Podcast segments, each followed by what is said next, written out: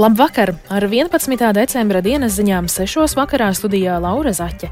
Vispirms ieskats tajā, ko vēstīsim. Ungārija draud apturēt Eiropas Savienības palīdzību Ukrainai. Latvija vēl nav paudusi oficiālu nostāju jautājumā par Parīzes Olimpiskajām spēlēm.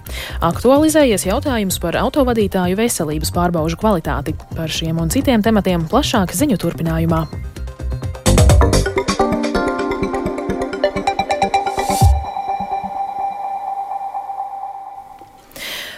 Ungārija ir piedraudējusi izmantot savas veto tiesības un bloķēt līdzekļu piešķiršanu palīdzībai Ukrainai, kā arī sarunu sākšanu par Ukrainas pievienošanos Eiropas Savienībai.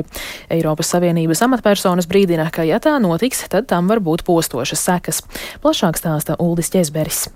Ungārijas premjerministrs Viktors Orbāns uzskata, ka Eiropai vienkārši nav jātērē savi līdzekļi karā pret uh, Krieviju. Savukārt savu pretestību sarunu uzsākšanai ar Ukrainu par uzņemšanu Eiropas Savienībā Orbāns ir pamatojis ar to, ka Ukraina esot viena no korumpētākajām valstīm pasaulē, tāpēc tai vismaz pagaidām nav vieta blokā. Un uh, šodien Briselē tikās uh, Eiropas Savienības dalību valstu ārlietu ministri. Tas ir tāds kā ievad tikšanās pirms šī samita samita. Daži no viņiem neslēpa savu sašutumu par Ungārijas pozīciju un aicināja Budapeštu nebloķēt šo palīdzību Ukrainai un arī sarunu uzsākšanu par Ukrainas uzņemšanu Eiropas Savienībā. Somijas ārlietu ministre Elina Baltonena nu šo te Ungārijas nostāju nosauca par ļoti nožēlojamu. Tas ir izšķiroši svarīgi, ka mēs turpinām palīdzēt Ukrainai tik ilgi, cik nepieciešams, un tas nav tikai Ukrainas, bet arī mūsu pašu labā. Te nevajadzētu kaulēties, bet, protams, šajā situācijā mums ir jāatrod visi iespējamie kanāli, kas var sekmēt risinājumu rašanu. Tiek prognozēts, ka ceturtdien un piekdien samitā būs gaidāmas smagas sarunas, lai tad pārliecinātu Ungāriju tomēr atbalstīt šo te papildu palīdzību. Ukrainai, kā arī nu, nebloķēt iestāšanās sarunu uzsākšanu ar Ukrainu.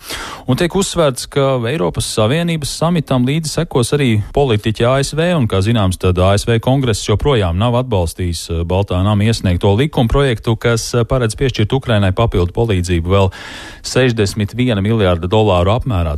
No šī skatu punkta ir svarīgi, ka Eiropas Savienība atbalsta Ukrainu. Un šodien Briselē bija ieradies arī Ukrainas ārlietu ministrs Dmitro Kuleba, kurš brīdināja, ka sarunu neuzsākšanai ar Ukrainu būs ļoti nopietnas sekas un varam arī viņu paklausīties. Es nevēlos runāt par postošajām sekām, kas radīsies, ja Eiropas Savienības padome nepieņems lēmumu ne tikai par Ukrainu, bet par paplašināšanos kopumā. Es domāju, ka likmes ir ļoti augstas gan Ukrainai, gan Eiropas Savienībai.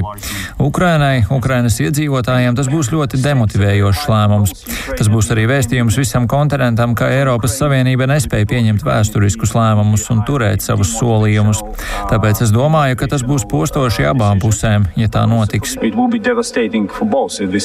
Nepārāk optimistiskas noskaņas uh, valda pirms Eiropas Savienības līderu sanāksmes, bet, protams, gaidīsim ceturtdienu, piekdienu, un uh, tad jau redzēsim, kādas tad būs šīs sarunas, un vai tad Eiropas pārējo Eiropas dalību valstu līderiem izdosies tomēr pārliecināt Ungāriju, mainīt savu nostāju un atbalstīt gan palīdzību, gan arī to, ka vajadzētu uzsākt sarunas ar Ukrainu par iestāšanos iestāšanos Eiropas Savienībā. Francijas, Vācijas un Itālijas ārlietu ministri Eiropas Savienības augstajam pārstāvim ārlietās Žuzepam Borelam nosūtījuši vēstuli, kurā aicina izveidot īpašu pret teroristisko grupējumu Hamas vērsto sankciju piemērošanas schēmu. Tā vēsta ziņu aģentūra Reuters. Vēstulē triju valstu ārlietu ministri uzsvēruši, ka Eiropas Savienībai ir jādara viss iespējamais, lai izskaustu Hamas un tā atbalstītāju darbības. Turpina Rustams Šukurovs. Tas nozīmē, ka ir nepieciešama vēl lielāka apņemšanās vērsties pret Hamas infrastruktūru un finansiālu atbalsta sniedzējiem, kā arī starptautiski izolēt un deleģitimizēt grupējumu, kas nekādā veidā nepārstāv palestīniešus un viņu likumīgās vēlmes. Teikts ministru nosūtītajā vēstulē. No vēstules satura gan netop skaidrs, kā tieši sankcijas tiks paplašinātas vai pastiprinātas, atzīmē Reuters. Ja Eiropas Savienības dalību valstis panāks principiālu vienošanos, nākamais solis būs ekspertu pieaicināšana un tiesiskā regulējuma izstrādāšana, lai noteiktu, kurām personām vai organizācijām varētu tikt piemērotas sankcijas.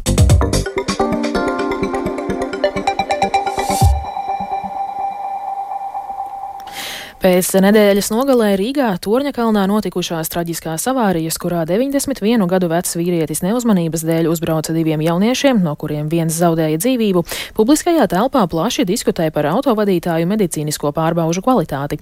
Latvijas radio aptaujātie eksperti norāda, ka pārbaudēm ir jābūt striktākām. Stāsta Paula Dēvica. Kad tika publicēta ziņa, ka autovadītājiem bija 91 gads, sociālo mediju lietotāji sāka spraigas diskusijas, vai medicīniskās pārbaudas autovadītājiem Latvijā ir pietiekami biežas un vai tās ir kvalitatīvas. Visu A un B kategoriju šoferiem veselība jāpārbauda ik pēc desmit gadiem, bet personām virs 60 gadu vecuma maksimums ik pēc trim gadiem. Turpina drošas braukšanas skolas direktors Jānis Vanks pa laikam dzird to, ka, nu, ka jā, nu, tā jau nav problēma medicīnisko izziņu sakārtosim mierīgi. Skaidrs, ka lielāko daļā gadījumu, kas to medicīnisko izziņa ir dabūjis, ir arī labā veselības stāvoklī. Ja? Manuprāt, tomēr šajā lietā mēs varētu būt drusciņi stingrāki vai striktāki. Tātad pastāv bažas par to, vai vienmēr ārsti, kas sniedz šīs izziņas, tiešām pārbauda pacienta spējas vadīt auto. Kā veicamas veselības pārbaudas, nosaka ministru kabineta noteikumi. Pārbaudas veids ģimenes ārsts vai speciāla ārstu komisija. Veselības problēmas, kas ierobežo spējas vadīt auto, ir dažādas. Piemēram, epi epilepsijas gadījumā auto var vadīt tad, ja lēkmes nav bijušas vismaz gadu. Turpina ceļu satiksmes drošības direkcijas kvalitātes departamenta vadītājs Juris Teteris. Ja pamatotas aizdomas par gaidām veselības stāvokļa pasliktināšanos pārbaudas veicējiem, kā nākošo pārbaudi var noteikt arī pēc īsāka laika posma, kas ir kaut vai viens gads. Veselības riski, kas var apdraudēt spēju vadīt transporta līdzekli, var izteikti sāsināties vecākiem cilvēkiem, piemēram, samazinoties reakcijas ātrumā. Tomēr traģiskas avārijas izraisa dažādu vecumu autovadītāji, tāpēc īpaša uzmanība ir jāpievērš šoferiem visos vecumos. Tā skaidro ģimenes ārste Gundaga Skruza Jānava. Nedaudz stingrākas prasības medicīniskajām pārbaudēm būtu noderīgas jebkurai vecuma grupai, gan kognitīvo spēju pārbaude, gan reakcijas ātruma tests. Reakcijas ātrumu autovadītājiem Latvijā nepārbauda, taču šādas pārbaudas ir citviet, piemēram, Austrālijā, Lielbritānijā un Nīderlandē. Turklāt būtiski arī pašiem šoferiem un viņu līdzcilvēkiem pārliecināties, vai konkrētajā dienā veselības stāvoklis ir pietiekami labs. Pensionāru federācijas prezidente Aija Barča uzsver, ka īpaši par to jādomā senioriem. Paula Devica, Latvijas radio.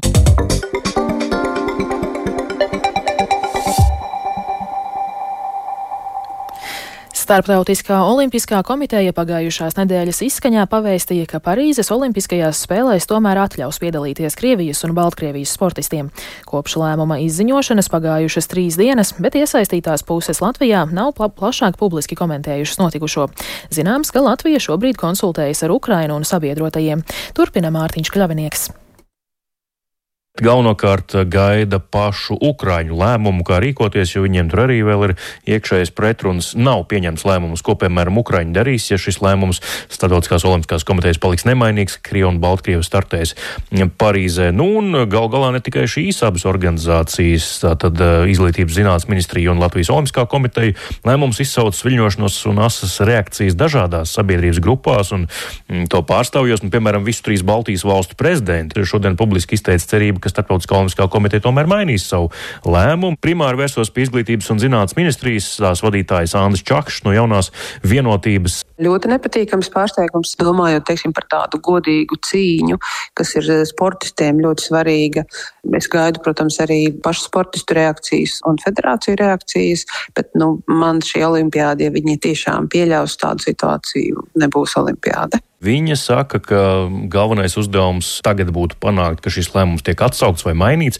Eh, parunāja arī ar Latvijas Olimpiskās komitejas ģenerālsekretāru Kārlu Lēnieku. Viņš gan teica drusciņu kaut ko citu. Bija sarunas gan ar eh, Baltijas valstīm, gan eh, šodien jau arī ar kopā visiem ar Skandināviem. Pirmkārt jāsagaida, nu, kas jau tagad ir tālākās darbības no pašiem Ukraiņiem. Mums nav rīku, lai šo lēmumu pārskatītu vai atceltu, bet mums ir rīki, lai to, ka mēs mēs turpinam izdarīt uh, spiedienu, mēs turpinam uh, paust to, ka uh, viņš vispār bija nevietā šāds lēmums, un nu, mēs paliekam pie sava. Nu, jebkādiem atlētiem tur nevajadzētu atrasties. Šaubos, ka būs ārkārtas balsojums, bet viņiem ir jāskaidro savs lēmums, ko tas, tas īsti nozīmē. Ļoti līdzīgas situācijas jau piedzīvoja pirms aptuveni nu, pusotra diviem mēnešiem, kad tika nolēmts arī Startautiskā parlimskā komiteja pieņēma lēmumu, ka viņi atļaus Parīzē startēt krieviem un baltkrieviem. Un arī tad no izglītības un zinātnes ministrijas puses galvenokārt bija šī vispārīgā retorika, un ka galvenais ir tagad nedomāt par to, mēs brauksim vai nebrauksim, to mēs lemsim, kad pienāks laiks, bet tagad ir galvenais mēģināt mainīt lēmumu. Nu, tiesa Latvijas parlimskā komiteja tur gan ir čakli pastrādājusi, un tik tiešām februārī Rīgā būs Eiropas parlimskās komitejas kongress. Tur tomēr tā vienotība ir lielāka vismaz Eiropā, ka varētu kaut ko mēģināt mainīt, cik Kārlis Lēnieks skaidroja man šodien, tad kaut vai tajās pašās sarunās šodien ar Ziemeļvalstīm nostājas diezgan mierīgi. Viņi labprāt uz turieni brauktu, neliek neko saviem atlētiem. Latvijas radio arī devās noskaidrot iedzīvotāju viedokli par to, vai Latvijai piedalīties Parīzes Olimpiskajās spēlēs, ja tajās startēs arī Krievijas un Baltkrievijas sportisti. Aptaujāto iedzīvotāju viedokļi bija dažādi. Es neredzu īsti iemeslu nepiedalīties. Kādēļ šī situācija iespaidotu Olimpisko spēļu situāciju? Labāk, ka nē, paši ziniet, kas notiek. Viņi jau visu iesāk. Nepiedalīšanās ir veids, kā Latvija cenšas pretoties un izrādīt to, ka viņi neatbalsta, tad varbūt, varbūt nepiedalīties. Latvijas sportistiem noteikti ir jāsacenšas. Par to vispār šaubu nav nekādu. Un kas tur vēl pa kājām aizsās, tā jau ir viņa problēma. Mēs vienkārši uzdodam, atļaujam kārtējai varai ņemt pārsvaru un ignorēt tos. Un sēdēt mājās, ierāpties saliņā un uzskatīt, ka tas nav to vērts. Es domāju, ka mums ir jāpārstāv savu valsts, mums ir jāpiedalās jebkurā gadījumā.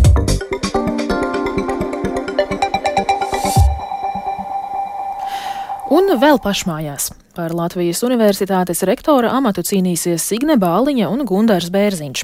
Pretendentu starptautiskajā konkursā vērtēja speciāli tam izveidotā atlases komisija un Latvijas Universitātes padome.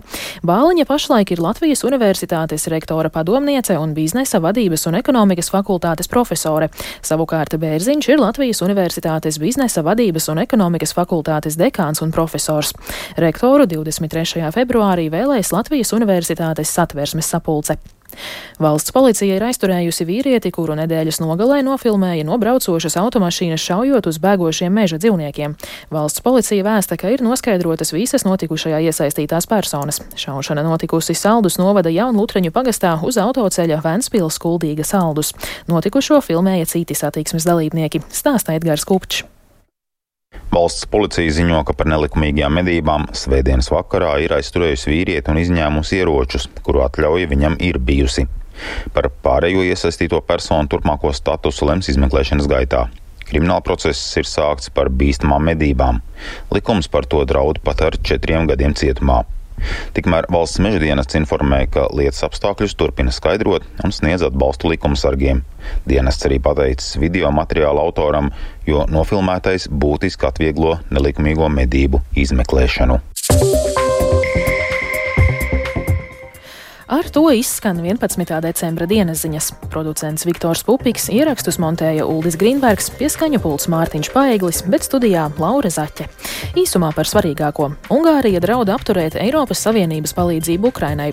Latvija vēl nav paudusi oficiālu nostāju jautājumā par Parīzes Olimpiskajām spēlēm. Aktualizējies jautājums par autovadītāju veselības pārbaužu kvalitāti. Un vēl tikai par laikapstākļiem. Yeah. Rīgā šobrīd ir mīnus 2 grādi un pūš dienvidu austrumu vējš 3 m2. Šovakar lielākajā daļā Latvijas sniega un sniegšana turpināsies arī visu nakti, bet tu par laiku turpmāk stāsta Toms Brīcis.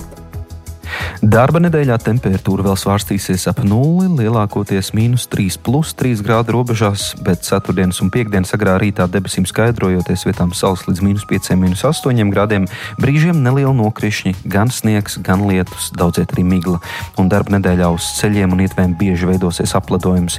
Brīvdienās ar brāzmainiem dienvidrietumu rietumvējiem pie mums ienāks siltāks gaiss un svētdien temperatūra jau pakāpsies līdz plus 2, plus 7 grādiem, gaidāms arī lietus. Atku Kusnis visticamāk pieturēsies arī nākamās nedēļas sākumā, nokausējot sniegu kūra zemē, zemgalē un vidzemes rietumos, tostarp Rīgā.